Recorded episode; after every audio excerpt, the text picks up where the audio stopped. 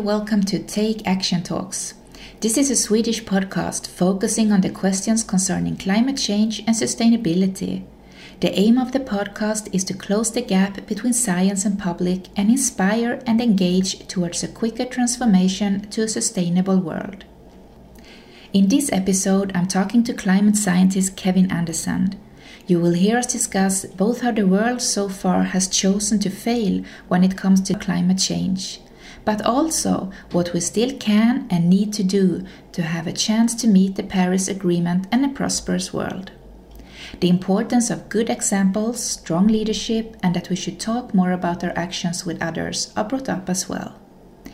This is the first episode in English, but keep your eyes open for possibly more to come. And please share if you like it. Now, let us listen to Kevin Anderson. Welcome to Take Action Talks, Kevin Anderson. It's nice to be here. You are a climate scientist and, among many other positions, the Zennström Visiting Professor in Climate Change Leadership at Uppsala University, Professor of Energy and Climate Change at the University of Manchester, and the Deputy Director of the Tyndall Center for Climate Change Research.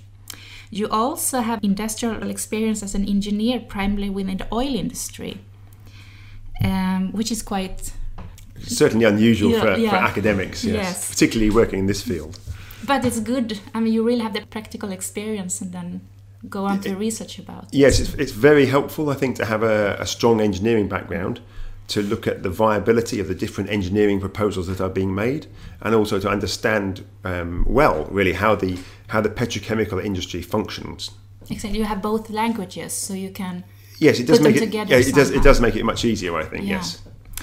And on top of that, uh, you also are one of the world's leading researchers on carbon budgets, which also will be one of the main topics of this talk. Yes. yes. So let us start from the beginning, though. Where do we stand today, and how serious is the situation? Well, we had the Paris Agreement in 2015, and that brought together the international community's set of concerns about climate change, particularly in relation to the to the uh, rising temperatures.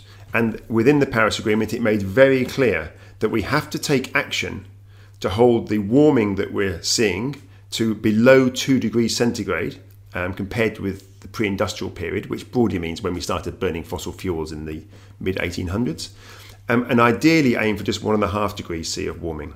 Now we've seen about 1 degree centigrade, maybe a little bit more so far, from primarily from the burning of fossil fuels. Um, and what's clear at the moment is that uh, if we don't change our energy systems and don't change how much energy we are consuming as well, then we are going to break the two degrees C framing very, you know, very quickly indeed. It's not that we'll hit two degrees centigrade in the next 10 or 15 years. But if we don't make rapid changes to how we reduce our emissions, we will have locked in an ongoing temperature change, which means we'll see about 2 degrees centigrade of warming, probably by sometime shortly after the middle of the century. Now, depending on where you live in the world, 2 degrees centigrade of warming doesn't sound too serious. But it has a huge geographical sort of spread, if you like. It's nearer 5 or 6 degrees centigrade of warming in the poles. It will change quite a lot of major regional weather patterns. So we start to see sort of really quite big, well, not very large shifts in um, our regional weather around the globe in su- at such rates that this will probably be um, impossible for many ecosystems to evolve to, but also a lot of human systems will, will not be able to evolve to these rates of change, particularly as they're probably going to hit. Um, you know, very unfairly, they're going to hit some of the poorer, more climate vulnerable parts of the world that have less resources to try to deal with the impacts as well. Um, this is one of the reasons in Paris why there was an argument by some of the poorer parts of the world that we should only aim for one and a half degrees centigrade of warming. My judgment on that is that really that that looks to be now virtually impossible to hold to one and a half degrees centigrade, um, unless we can develop some technologies at some point in the future to remove carbon dioxide directly from the atmosphere. But to rely on those is incredibly dangerous they most, don't exist today. They don't exist, and indeed, most governments already either are knowingly relying on them in the future, um, or are not aware that the advice they're receiving, receiving from some scientists, actually, and some economists, embeds a lot of this technology which does not exist. Um, so maybe we'll come back to that later. But the the big concern there is that governments particularly in wealthy parts of the world, are proposing reductions in their emissions, small reductions in their emissions, that are not compatible with 2 degrees centigrade. And the only way that they are saying that they do fit is because we're going to be relying on these negative emission technologies in many years to come. But if you talk away from a microphone to a lot of the people working on these technologies in terms of you know, conceptually thinking about them, many of the people working on them think that they will never deal, never deliver at the scale that is assumed in the models. So, in other words, that we will be locking ourselves into two degrees centigrade and a lot more of warming because we're relying on te- technologies that do not exist and will very unlikely be able to deliver in the ways that we assume. So, it's a, we're in a very dangerous position. And if, unless we are prepared to make some very significant political, social, and economic changes in the next few years in the wealthy parts of the world, then the two degree C framing, in my view, will be too late. Yeah, I've read that latest 2020. That's when we really need to have bended the curve globally. Yes, we do need to. Yes, and, and not just bend it down a little bit. It needs to be starting to come down quite rapidly, mm. much more rapidly than any governments are proposing. Mm. And sadly, in my view, much more rapidly than most scientists are again prepared to admit when there's a microphone in front of them. Get them privately quite often, and they'll say, "Yes, things look really very dire." Mm but often they're not prepared to say that or not prepared to talk about the rates of reductions that would actually be necessary um, if we were not to rely on these negative emission technologies. And also, you have said that since we have known about this since 1990, mm. and we have chosen to fail so far, Yes, Since yeah. then, the it's been an increase with sixty percent of carbon dioxide. Yes, dioxide yeah. In 1990s, when we had the first what we call the IPCC report, the Intergovernmental Panel on Climate Change mm-hmm. report, and these reports really are they're um, under the auspices of the UN, and it basically brings together the the wealth of climate expertise and it pulls them together to sort of look at where do the academic papers say we're heading, what are the issues in relation to the science, what are the issues in relation to what we can do about our emissions, and what, what do the impacts look like. And so in 1990, the first major set of reports came out, and really we knew everything we needed to know in 1990 to respond. And of course, in 1992, as, as some of your listeners will know, we had the Earth Summit, the really big Earth Summit in Rio, and things were quite hopeful and positive at that time. But we now look at you know 2016 um, emissions were 60% higher. In 2017, the latest year of which we've got uh, data for, the emissions are still got, are still going up by one and a half percent that particular year. So despite you know 20, now almost 28 years since the IPCC report, we've had almost no reduction. We've had no reduction in emissions. We've had an increase of 60%.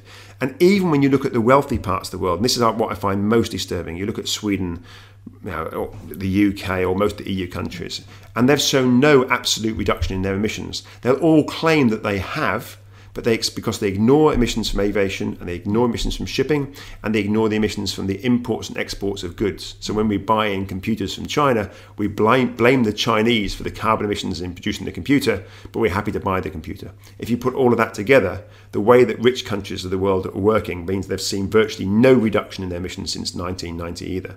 So there's been lots of rhetoric, lots of lots of optimistic, upbeat talk, but virtually no meaningful action on climate change so far. So far, yeah.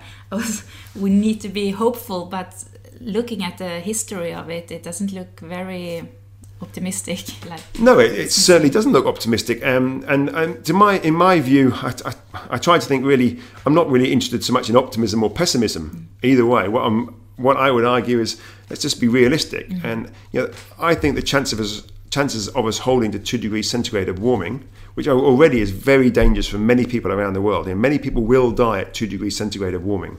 There'll be low emitters. They're probably going to live mostly in the southern hemisphere, more climate vulnerable parts, um, and they'll typically be non-white as well. So I think we have to bear in mind there are lots of really you know, very worrying messages. And the fact is that rich people have known about this, relatively rich people have known about this for a long time, carried on emitting, knowing that the impacts would be felt by other people elsewhere in the world.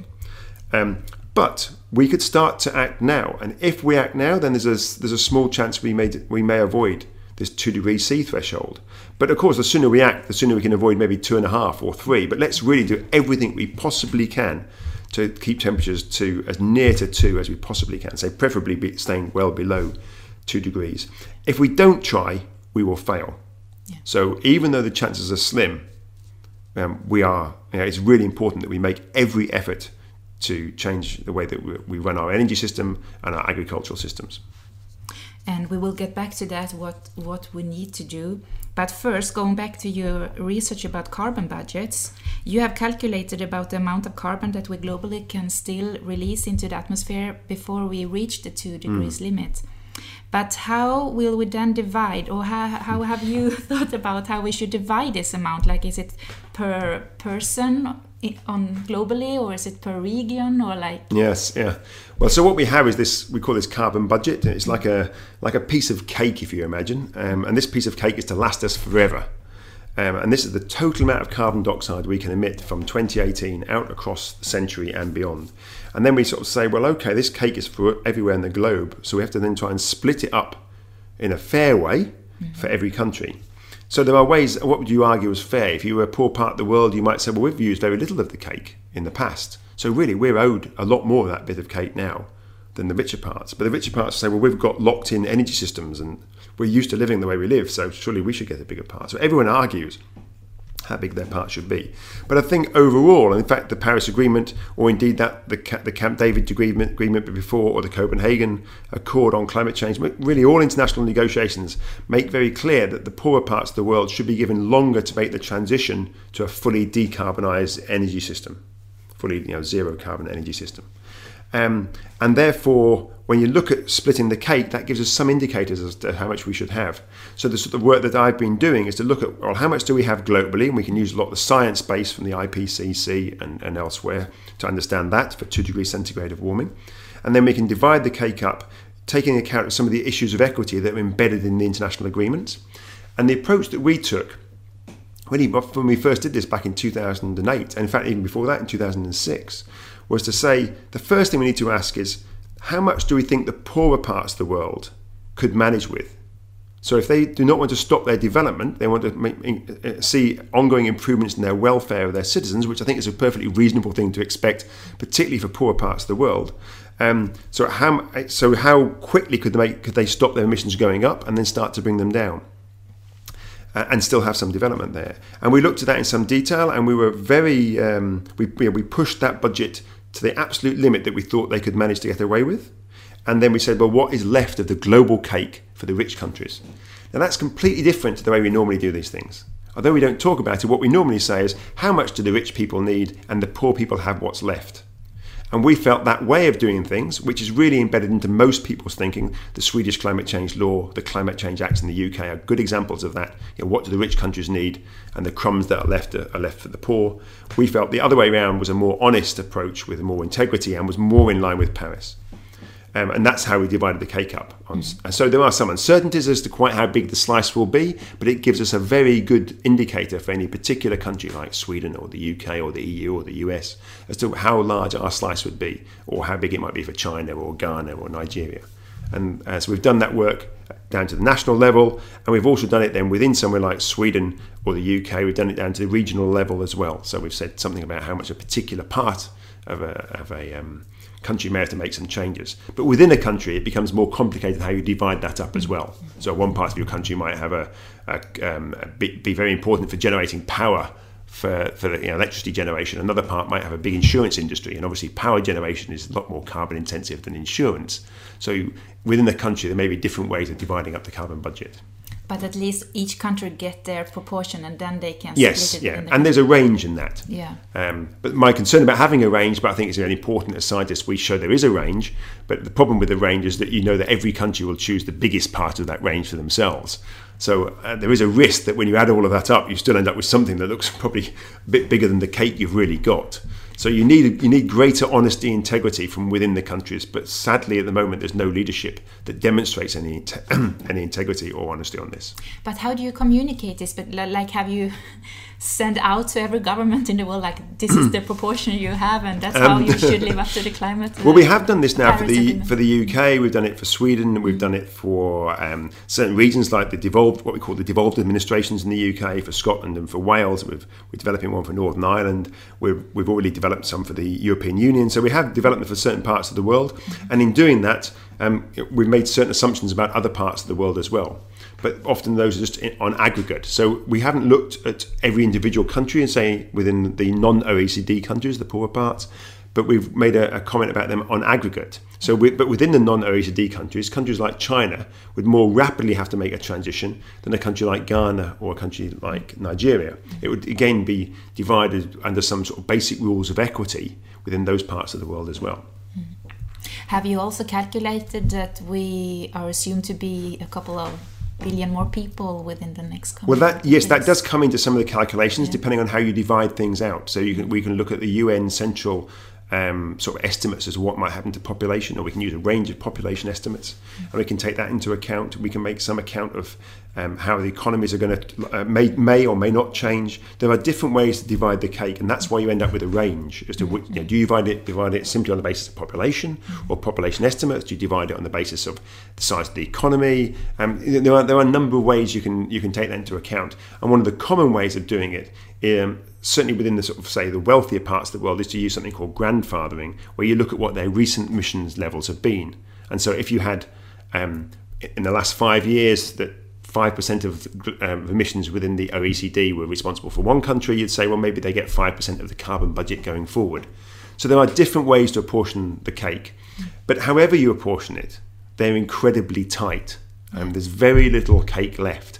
So we're all talking about dividing a very, very small cake amongst very carbon greedy countries. Um, so we will all be challenged by this. It, it seems like you have uh, developed a very um, workable i don't know how you say it yes like, yeah.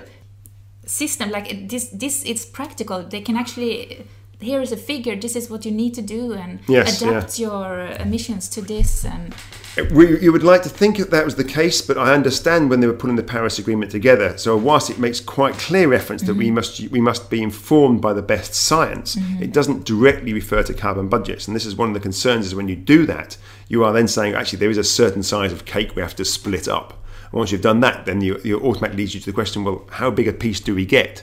And the problem, of course, is that every country will will play poker at that, and will try to get a bigger and bigger piece. Um, or, so, or saying we, if we release a bit more, we can use the negative emission technology when they are developed yes, in the future. In, indeed, there's that as well. So there's yeah. so I mean, I my view on this, if we I mean, this, this is sort of philosophical perspective, but but in some respects, we have to find if we're going to solve climate change, we've got to find a realistic way of dividing up the global carbon cake. Mm. Um, and you can either have every negotiator for each country negotiating on the behalf of their country. And that means every country will try to um, exaggerate how much they really need. And what will happen is the carbon cake will be far, far too big and will significantly exceed 2 degrees centigrade.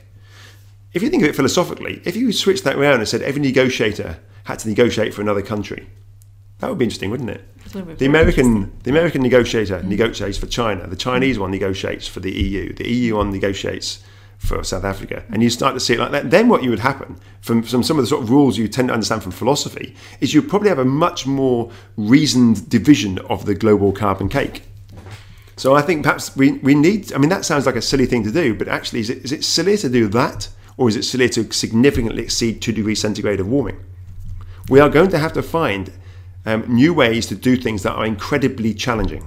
It's, be- it's, better to do silly things than stupid things. So. That's a nice way. I like that. It's a nice way of putting it. Yes, yes, certainly, yeah.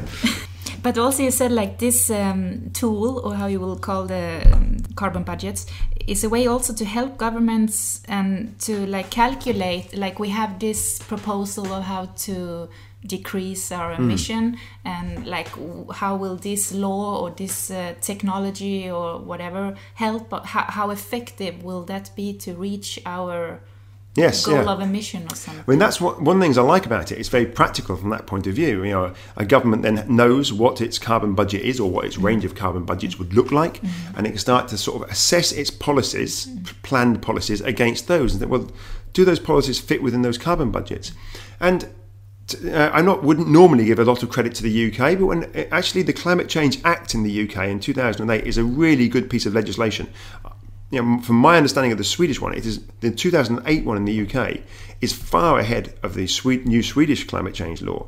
You know, it, the, the UK one embeds carbon budgets, and we have a committee on climate change who I'm very critical of in some respects because I think that they have, um, well, they, ha- they they take too large a piece of the cake But then once they've got that bit of cake, they are thinking about well, what would the policies look like relative to the carbon budget for the UK? The problem is their carbon budget for the UK relies on negative emissions and is far larger than the car- than the UK should get if it had its fair share. But at least the method is appropriate, and that's embedded in the in the 2008 Climate Change Act. So I do think that once you've got a budget framework, it does allow us to to evaluate different policy proposals, um, and and that's what we need. We need governments because we don't want to we don't want some global governance on this. Every country will have to make up its own mind as how it, as to how it will do this. Mm-hmm. Um, but we can only do that once we have a sort of budget framework yeah. and some honesty within a country about what it needs to deliver but also when it comes to international like aviation yes. and, and, shipping that's a big problem like with the chicago uh, agreement yes the 1944 chicago agreement means we can't put tax on international aviation fuel yeah. which is, seems ridiculous you know which is more important the 1944 chicago agreement or trying to avoid very high levels of climate change um, obviously, it's not all going to be caused by either aviation or shipping, but they are very, very they important factors, yeah. and they're planning to grow significantly. Mm-hmm. So, very roughly, the aviation and shipping sectors expect their emissions to roughly double by 2050 at the same time that others are supposed to be coming down. And that that assumes already they'll do lots of efficiency improvements and so forth. So you know, both of the uh, the um, the what's called ICAO and IMO, who are the, the bodies that are responsible for aviation and shipping, expect their emissions to double. So aviation and shipping are exempt from all the international negotiations and are exempt from national governments um, when they work out what their emissions are. And if you somewhere like Sweden, it's probably I don't know the numbers exactly for Sweden, but 15 to 17 percent probably of our emissions come from aviation and shipping, so very significant. Also for the UK, uh, the global level it's much smaller than that, probably somewhere about four percent round about, but going up. I mean, four percent is a lot of emissions. It's, you know, Still, yeah. it's more like two UKs, which is one of the bigger emitters in the world. So you start thinking it's a significant proportion of emissions from this sector, which we're not going to control. He's expecting to double it in you know, by 2050. Um, so how, how, are they calculated into this um, into the carbon, national yeah. carbon budget? What we've done, we've said we have to. I mean, there are different ways you might think about doing that, and we've put them within the national carbon budget. So, although they've been exempt from previous, previous negotiations, we think it is up to the countries themselves to take responsibility for those.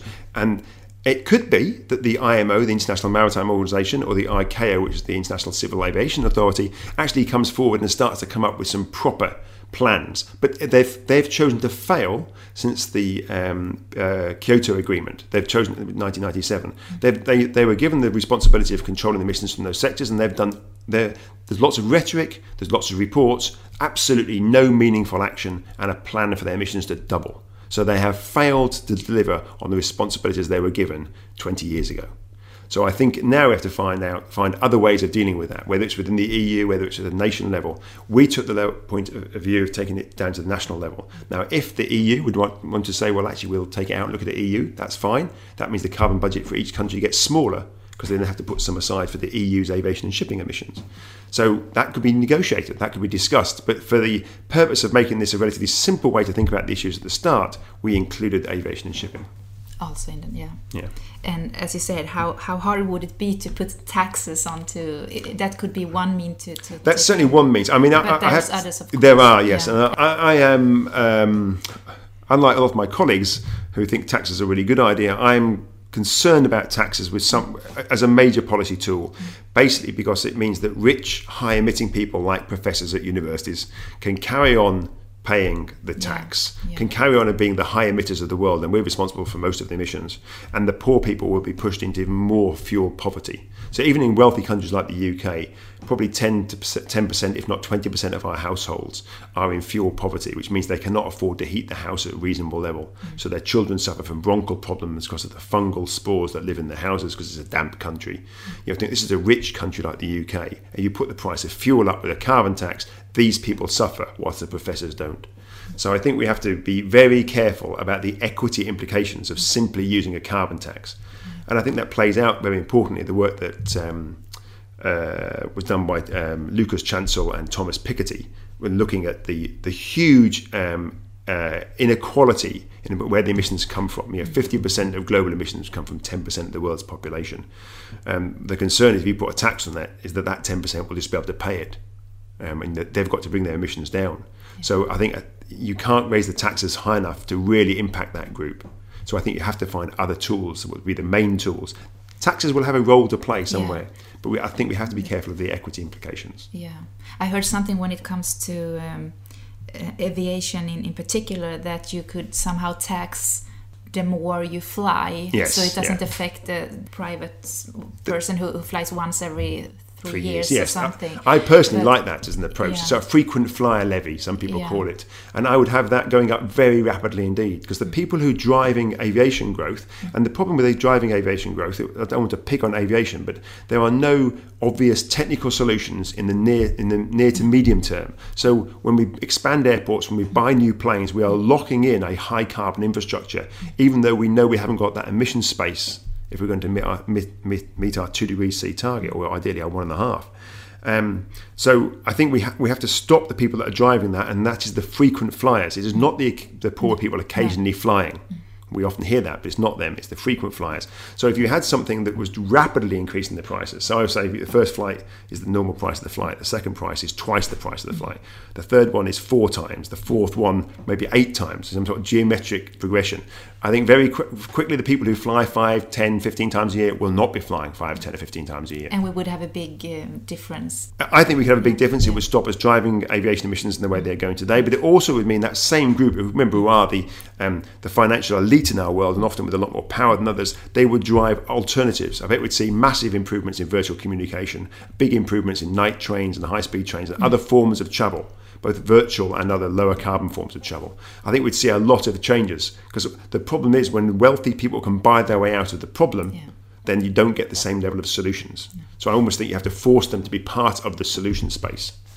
I, I also heard you said that if only this um, 10%, the richest 10%, who stands for 50% of the total Hmm. global emissions, uh, cut their emissions to um, uh, average uh, EU European- citizen. it would cut the global emissions by 33%. Yeah, by about a third, which I think is yeah. incredible when you think about that. Yeah. That shows how the emissions are so highly skewed towards a particular small group. I mean, that's not going to solve climate change, No, bring it down by a- a third, but it's a a massive step, reduction. yeah.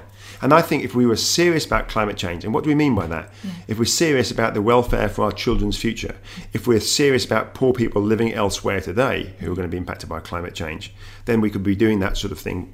Or not, maybe not overnight, but within a year. Exactly. If we were really serious about Yeah. that. It Now- doesn't take 10 years. We no, it doesn't. No, no. It would be difficult and it would be challenging, but we, we could do that Yeah. sort of thing. Yeah. Um, and I think it's what worth comparing that with the, all of the pledges that every country in the world made to the to the Paris Agreement prior to the Paris Agreement. They were asked to put these pledges. What will you do?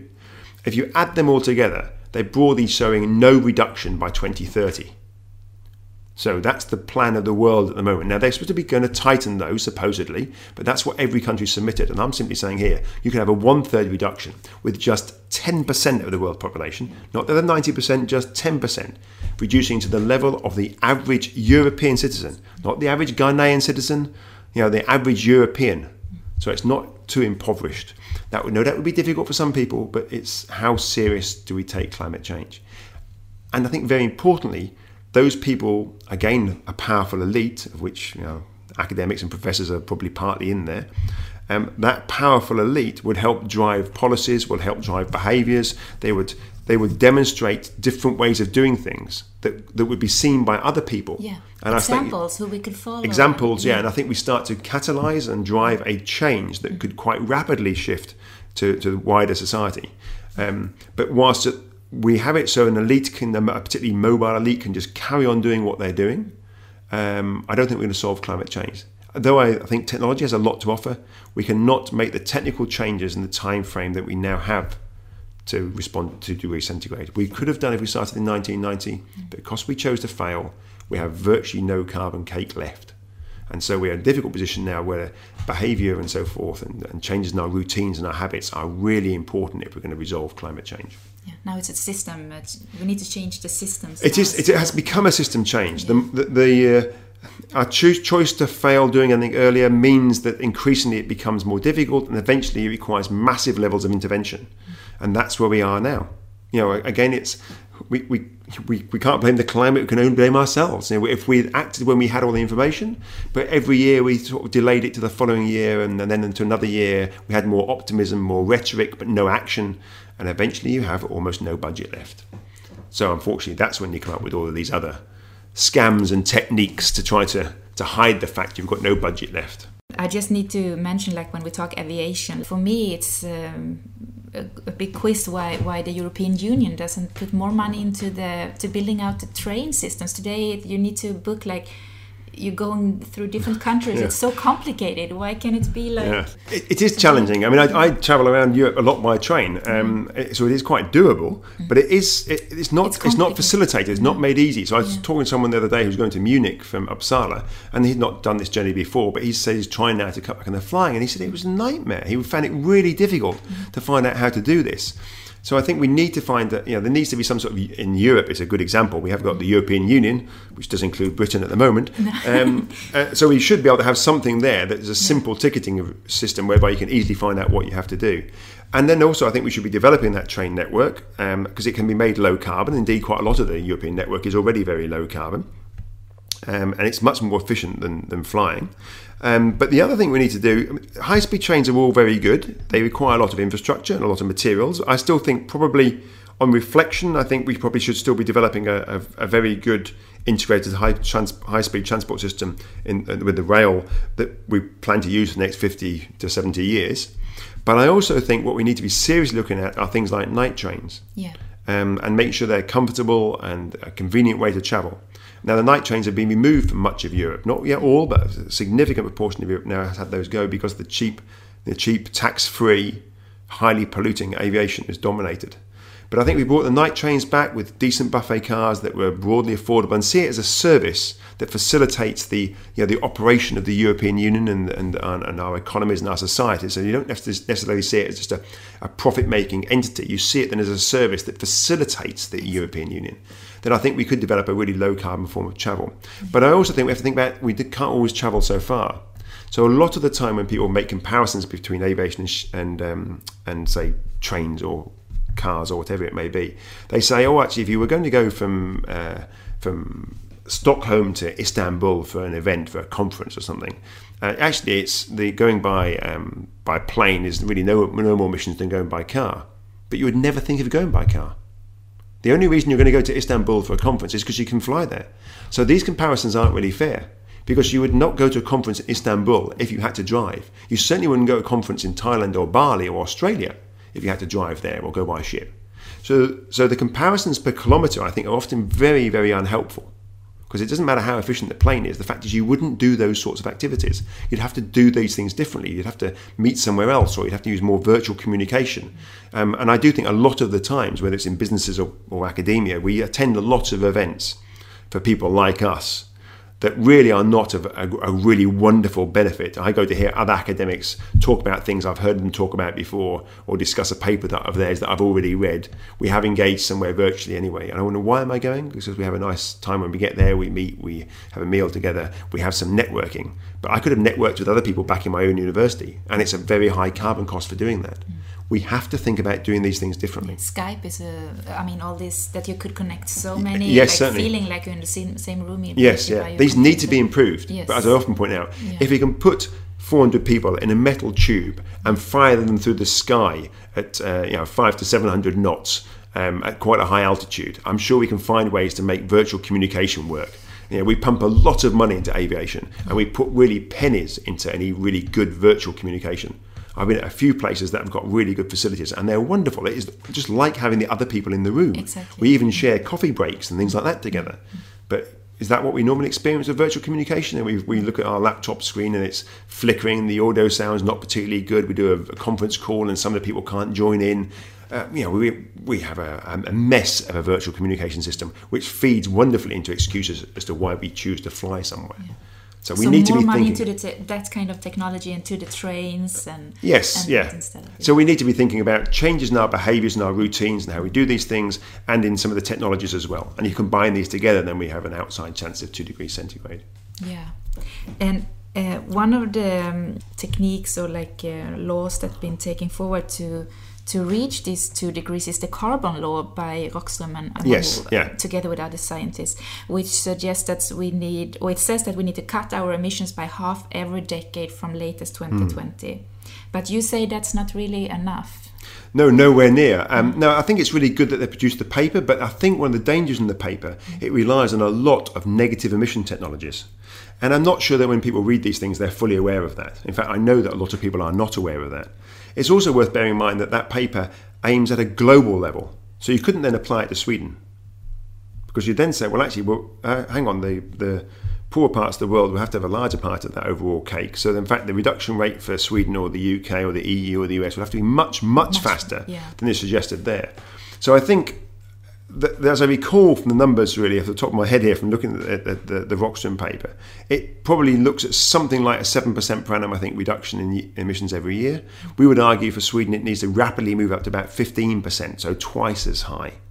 And that's because we don't use negative emissions and we've made some still relatively weak account for equity so the poor countries making taking a little bit longer to make the transition. As soon as you do that you get a very very different outcome so again i think we have to be, we have to be very careful as people who work with the numbers and the science of climate change that we um, we communicate our results bluntly and clearly so that everyone understands all of the assumptions so if you understand the assumptions of the carbon law paper, my interpretation of it is that one, it assumes lots of negative emission technologies. And you think, do we think that is a reasonable assumption or not? And I think many people suggest it's not a reasonable assumption. I would suggest the fact some of the authors of the paper think it's not realistic as well. The second one is to say, does it make any allowance for the difference between poor and wealthy countries? No, it doesn't. Now, if those things are written up front, it is easier when someone reads the paper to think, oh, well, what happens if we didn't have negative emissions? And what happens if we did have a, a fairer way of allocation of the carbon budget? What would it look like then? and it would look very different.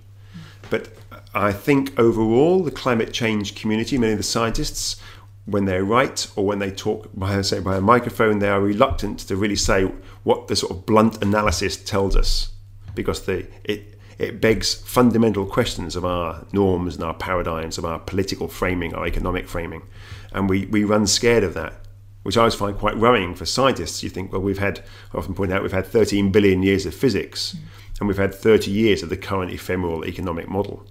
Um, which one do we think is going to be more, more important in the future? And my guess is the physics will hold. Um, and so, if we are to resolve climate change, I would take more notice of the physics than short term economics. But we have run so scared of short term economics, we will adjust our assumptions, fine tune our assumptions to give results that sort of push the current system as far as you can push it within its own envelope, even though we know that is not far enough to resolve climate change. So we have become, I think, in some respects, part of the problem. But we could also be this, like humanity. I mean, but we could also be the solution. Oh, we could be. the solution. I'm talking here, though, particularly about those of us who work as experts in the sort oh, of scientific like community. Ah, I think yeah. we have become part of the problem, not the people doing the detailed science work um, in the IPCC. So the people that go and look at what happens when certain CO2, a number of certain CO2 molecules in the atmosphere, how much warming do you get? Not that group. They're the t- sort of doing science in, the, in what we'd normally think of the traditional sort of science way of thinking. It's, you know, it's, as, it's as near the sort of objective white coat science person as you can imagine. I mean, science is never perfectly like that, but it's a dynamic process. But that's the nearer that that end. Once you move towards the sort of using that science to understand well what are the ways we have to address that technically, what are the what are the carbon budgets that we have to split amongst every part of the world, then politics and economics comes into that. Mm-hmm. And that's the point I think when lots of academics, including climate scientists who work in that realm, um, are running scared of the funders, are running scared of questioning the current very dominant particular political economic regime that we've got which, because we have chosen to fail on climate change for so long, is no longer compatible with the levels of change that we have to deliver if we're going to meet our two degree C commitment, which is why then we bring in things like negative emission technologies or we ignore equity, because that allows us to just about stay within the current political envelope. But I would take the view that that is not the appropriate role for um, scientists trying to provide, as near as they can ever can, objective information for, for policymakers to, to develop their policies on. It's up to the policymakers to make these, these more difficult judgments. It's not up to us as scientists. We should be informing them with as much honesty and openness as we possibly can. Yeah, yeah, because you have also talked about like uh, if uh, politicians get talk to different scientists he get uh, presented with different like options like if if you do our calculation you yeah. can release a bit more or yes. and there will always be problems it is a problem. I think but i think you will always get some small differences. Mm. and that's perfectly reasonable. Yeah as long as it within like uh, within the reasonable range yes. yeah i think when you get such a very large difference so for instance the rockström paper which is a, yeah, a good paper in many respects if you took that and applied it to sweden and thought 7% per annum compared to the work that we would do and say 15% per annum these are just fundamentally different ways of looking at the challenge. Um, and so I think there is so why are they different? They're different not because they're using different science. They all start off with exactly the same science. What they're using in different sets of assumptions, you know, like negative emissions, like equity or ignoring equity. And it's those assumptions that are often hidden or not made really clear that mean that when the policymaker looks for the advice from the from the academics, you get this big range. The big range is often there because of these very important, what are effectively political assumptions that are made. And I think we are hiding um, we are hiding our uh, analysis behind those assumptions to give politically expedient or, or just about attractive messages rather than the, uh, the honest, uh, neutral as best as it can be sort of scientific guidance. Yeah. And also, so far, I mean, one way, one thing why it's so hard to sort of get through with this message and that so little is happening is because every politician want to win the next election and they don't want to tell their citizens that now you need to change your lifestyle because we need to yes, to this yeah. uh, economy and oil sort of mm. control the world for so long and I think there's a lot in that though I do think I'm increasingly trying to think about these issues in a, in a hopefully trying to be a more constructive way is that there are plenty of things that we can do that would be good for society. I'm not going to say they'd be good for the economy because ultimately the economy is there as a tool or a servant of society. I think we've lost that. I think we think now that society is there as a, as a tool or a servant for the economy rather than the other way around. Um, so we start. You start to look at. Um, I'm not going to say some other poor parts of the world that I don't know well enough, but let's look at the wealthier parts of the world. Let's look at Sweden or the UK that I know quite well, or many European countries, or indeed the US. If you're going to respond to climate change, that is a massive jobs agenda. You know, it is a. I know war, war metaphors are, can be unhelpful, but they, like most metaphors, you can use them a little bit, then they're no longer appropriate. But the idea that we moved at, at that point in time very rapidly our productive capacity for making, I don't know, cars to making tanks and planes. That we're really talking about that now. Rather than making Land Rovers and Lamborghinis today or four wheel drive cars, we need to be making trams and wind turbine blades. And so we need to move the productive capacity in that direction. That means there's still plenty of jobs there. We need to retrofit, which means go to all, of our older buildings and make them suitable mm-hmm. for a low carbon living, which means low energy living, at least in the near to medium term, for the next 50 years or more. So that's retrofitting basically all of the older buildings. That's a big jobs agenda. Any new infrastructure needs to be in place that is very low carbon. We need to have a much more electrification of our energy systems even in Sweden, um, 70% of the what we call the final energy consumption of the energy we consume is not electricity, and we need to make much more of that system electric. So we need a much more electrification. So we have here a, a very large jobs agenda, but it's shifting from the sorts of productive out- outputs we do today to ones that are much more sustainable, much more about thinking about our own children's future, developing a, you know, a, a, a greener, safer, more secure future. And I don't want to colour exactly what those policies would be that would bring that about. That will change from country to country. But we we know what we have to do behaviourally. We know what we have to do in terms of routines and habits, and these have to be done very rapidly indeed. We know what we have to do in terms of efficiency, in terms of the appliances we buy, whether it's cars or whether it's electric bikes or whether it's laptops, to drive them the emissions down from those. And that any money that we save from using less energy, that, that is thought about how we make sure that is not spent on more energy intensive activities. We also know what supply um, energy supply options we need to have. If you put all of that together, I think that's quite a, you could imagine describing a prosperous, secure, um, high quality jobs agenda mm-hmm. for the next 20, 30, 40, 50 years.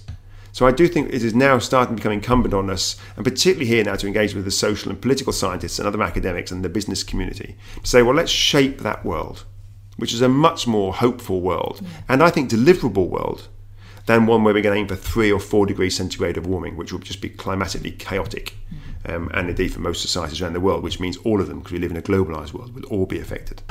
Um, so I think we have those two, if you like, two simplistic framings there. One where we do something to keep our emissions down, and one where we don't. Um, so I think we have not been innovative enough in thinking how to how, what how to narrate that story, how to yeah. tell that story. Maybe it's that because as I, when I said that politicians want to win next election, it's also they think like in Sweden we have every fourth year. Yes, I mean, yeah. And it's maybe that they have failed to communicate that the change will be something better, mm. that people are afraid of changes. Like um, they think that since we need to cut down our budget, it will be we will be poor. You Yeah. I mean? Well, Like, some people will be. I mean, let's be really clear about this. I mean, I think I often get told, you know, we have to make it that's positive for everyone. I don't. I think lots of people that I know, and lots of my old colleagues in the oil industry who do, did very well out of it and still are, will mean significant changes to how they have to live their life. But they're still a very small minority in the in the rich countries. So I think yes, in the wealthy countries, we will see, see uh, uh, a small but very vociferous minority and quite a powerful minority who will have to make really quite rapid changes to their lives. But many other people in our societies are quite a sort of medium income or poorer or, or average income, and those people will not see such dramatic changes. So I think there will be quite a distribution within our countries as to how these things are felt. And I also think we, we should be much more positive about our policymakers. We're always very sceptical about our policymakers. We dismiss them, we joke about them, but I mean they are they're the policymakers that we deserve. We are the people that are stand forward, or our colleagues, our friends. They are so they are. Yeah, they they are people from our society who are trying to do most of the times are trying to do some good. Yeah. They've got an electoral cycle they have to consider, but a lot of the policymakers also think about the longer term as well. They are they are they are mothers, they are fathers, they have their own children, they have their concerns for their own societies. So I think we should be we should have a better relationship. Both the public should have a better relationship with them, the journalists should, and we as academics, and we should work in partnership with them rather than think they're just necessarily cynical people in politics all in it for themselves. And I think if we saw that as more constructive like that, we could actually start a dialogue to say, well, what would we need to do in Sweden? What would you need to do in France or in Italy or in Spain? How can we make that fit with other things that are important for our society? You know, like like a decent jobs agenda, like the idea that we have reduced crime, like the idea that we have clean environments with uh, very good air quality in our cities. So whether know, I was in Umeå the other day here, because they have a because of the inversion layer in Umeå, they have a place even with not very high traffic levels, but they still have a lot of poor air. They have a very poor air quality in Umeå. You know, uh, what most most people would seem like a clean city. I was really surprised when I was told this by the local policymakers. They're saying, no, the air quality is really poor here. Um, so you see that in even you know wealthy wealthy cities within Sweden that aren't that highly populated. You go to London or you go to Rome or you go to Paris, and the air quality is terrible. Resolving climate change will help us address those issues, Yeah. which means that's a health issue. That's a um, mean the benefits for the education of the children that are at school there. So I think we can paint a much more upbeat story, but we haven't done that. But I don't think we should exaggerate it. I don't think we should pretend it's all win-win. There will be some big challenges in doing this. But I think we can also be more thoughtful about a, a narrative which is about prosperous, good quality future that is in line with two degrees centigrade. Yeah. But if we don't start it soon, it'll be too late. then we, then we all will be losers. We, we will all be losers, indeed, Yeah, yes. yeah. And I don't think it's all going to be done by voluntary um, arrangements. It will require regulations. But cultural change and regulatory change are not independent. They, they relate to each, other. yes. You know, changes in culture bring about changes in regulation. Change in regulation brings about changes in cultures and norms. So I think we should we've run scared of regulation for far too long under this naive um, comment about we must offer choice. I mean, just, you know, most of us don't have that much choice. So I think we we want we want our legislators, our governments to put in place carefully thought through, fair regulations to make these transitions, and that will change our cultures. In the same way, though obviously much more um, uh, much more systemic than this, but in the way that they in many parts of the EU they've changed the rules over smoking or about drink driving, or in the UK now about using your mobile phone in your car. There are lots of ways that our lives have been changed for the better through a regulatory framework, and we shouldn't be running scared of regulations. We should be embracing good quality regulations.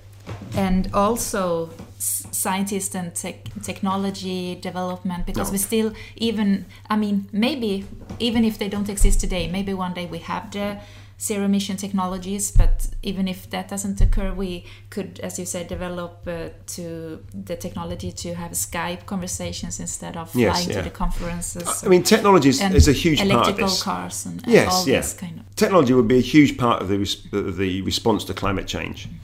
The problem is it just takes quite a lot longer than making the behavioural change, which are not easy themselves, but they can be delivered quite quickly, and we've seen examples of that in the past. We can do quite a lot on the on the end use side. Our laptops, our you know, our cars, on average, um, probably within eight years, we're not driving them very often. And certainly, the data from the EU shows that most of the kilometres that are driven are in the first three to eight years. Our laptops only last a few years, so we can quite quickly change out our appliances for very efficient versions just through natural replacement cycles. Building power stations takes quite a lot longer.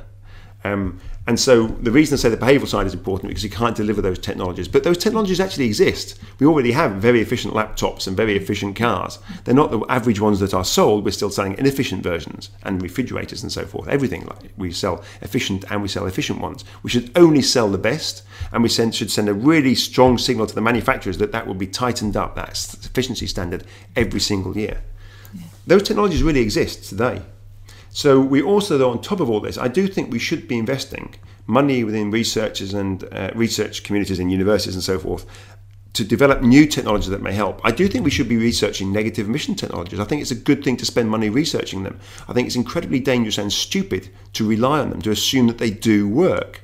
So I think a, a, a moral and a scientifically rigorous approach would say let's do the research on these things carefully and diligently, and let's mitigate, reduce our emissions as if they will not work, because they probably will not work at the scale they need to in the time frame that we actually have. In addition, I think that what's important here is we have to recognise that there are lots of other feedbacks in the climate system that we're aware of that we don't fully understand and we can't fully quantify. So things like the melting of the permafrost, for example, is one that people will know about, but there are many of these. Mm overall, these are generally thought the they're going to come out, and then it mm, will. The methane will come out and yeah. make the situation worse. Yes, yeah. and these things have been exaggerated by some people and ignored by others. But these things are often these these other some of these other feedbacks are not sufficiently well understood to include in the models. So it's it looks quite likely that our carbon budgets may be a bit smaller than we think, and so therefore when we're doing all of this, it, one of the reasons you know it is worth investing in negative emission technologies because it may well be that we have even smaller carbon budgets. So, but let's not assume that they work. Let's just let's just research them. If they do work, maybe they can really help us. And actually, if they work and we find they have more of these other feedbacks, maybe they can compensate for the warming from those. Um, I just think we need almost like greater clarity and greater openness and greater integrity in our in all of our discussions here. And I think we could probably come to quite a reasoned set of responses to climate change. We know what we need to do across all of these sort of facets, whether it's behaviour, routines, technologies for our appliances, or indeed the supply side. All of these things are well understood. It's well understood, but it's it's still taking it from knowledge to action. Yes, yeah.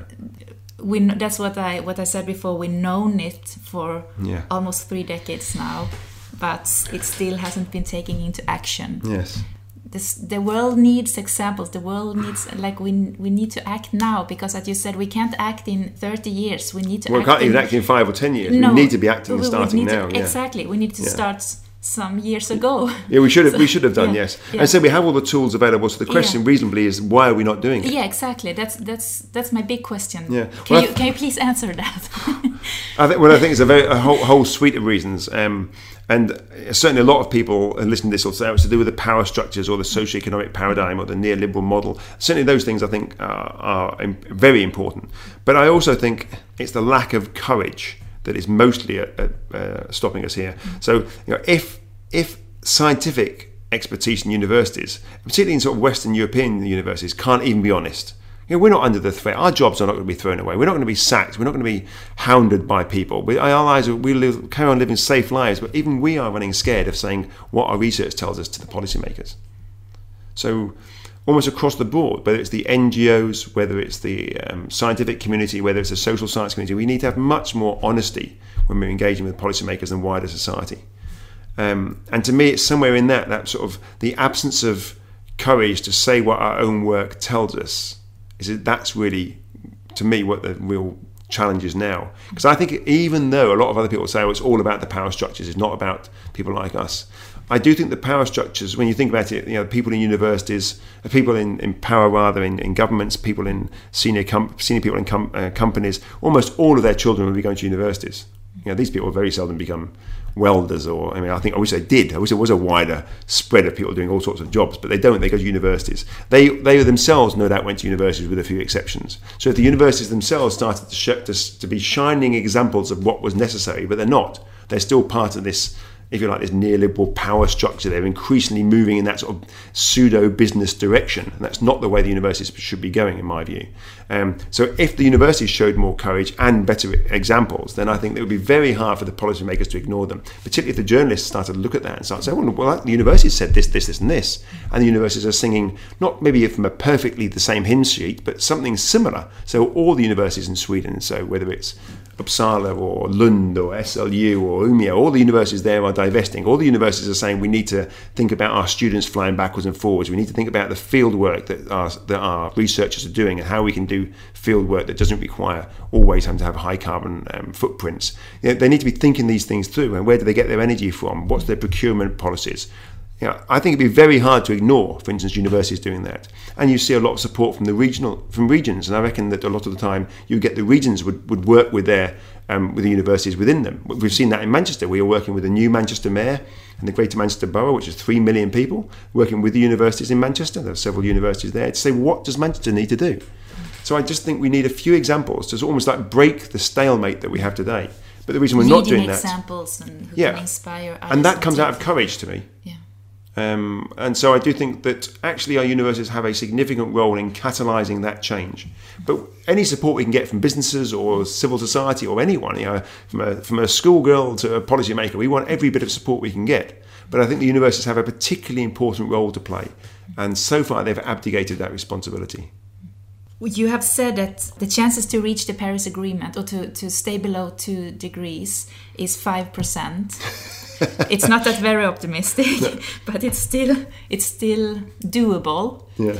Um, but there is still a chance. Do you believe we will make it? Do you believe in a fossil-free world? Well, let's be clear. This five percent doesn't come out of science. This comes out of my engagement in the interface between you know, policy and science and, and academia and elsewhere. And you look at what's happening around the world. Our emissions are still going up. Mm. We're still burning more fossil fuels. You know, we're burning more coal, more oil, more gas. We're exploring for more oil, coal, and gas. Um, so we're not doing. Even though we're building, you know, getting more renewables, the fossil fuels are still going up. Mm. The signs are not good. And when you look at that, I think it's very hard. And you look at how much carbon budget we've got left for two degrees centigrade, there's so little. You sort of start to think, well, we've got a very slim chance. So five percent is just saying we've got a very slim chance, just a few percent chance of holding to two degrees centigrade, but it's still possible. And if we don't try, we have no chance. There's an absolute guarantee that we will fail on two degrees centigrade if we do not try hard. So therefore, it becomes incumbent on us to try hard. And actually, there's a smaller, there's a percentage gets smaller and smaller, almost to try harder and harder but it's got so small already. We have to try everything we possibly can now. I don't think we're going to succeed. I think we're going to fail. But we are guaranteed to fail if we don't try. So let's give every bit of effort to it. And if we put every bit of effort into, into it, I still think I can envisage what a low carbon 2 degrees C future would look like. It doesn't seem an impossible place to go. We know all the things we need to, we need to know to get us there.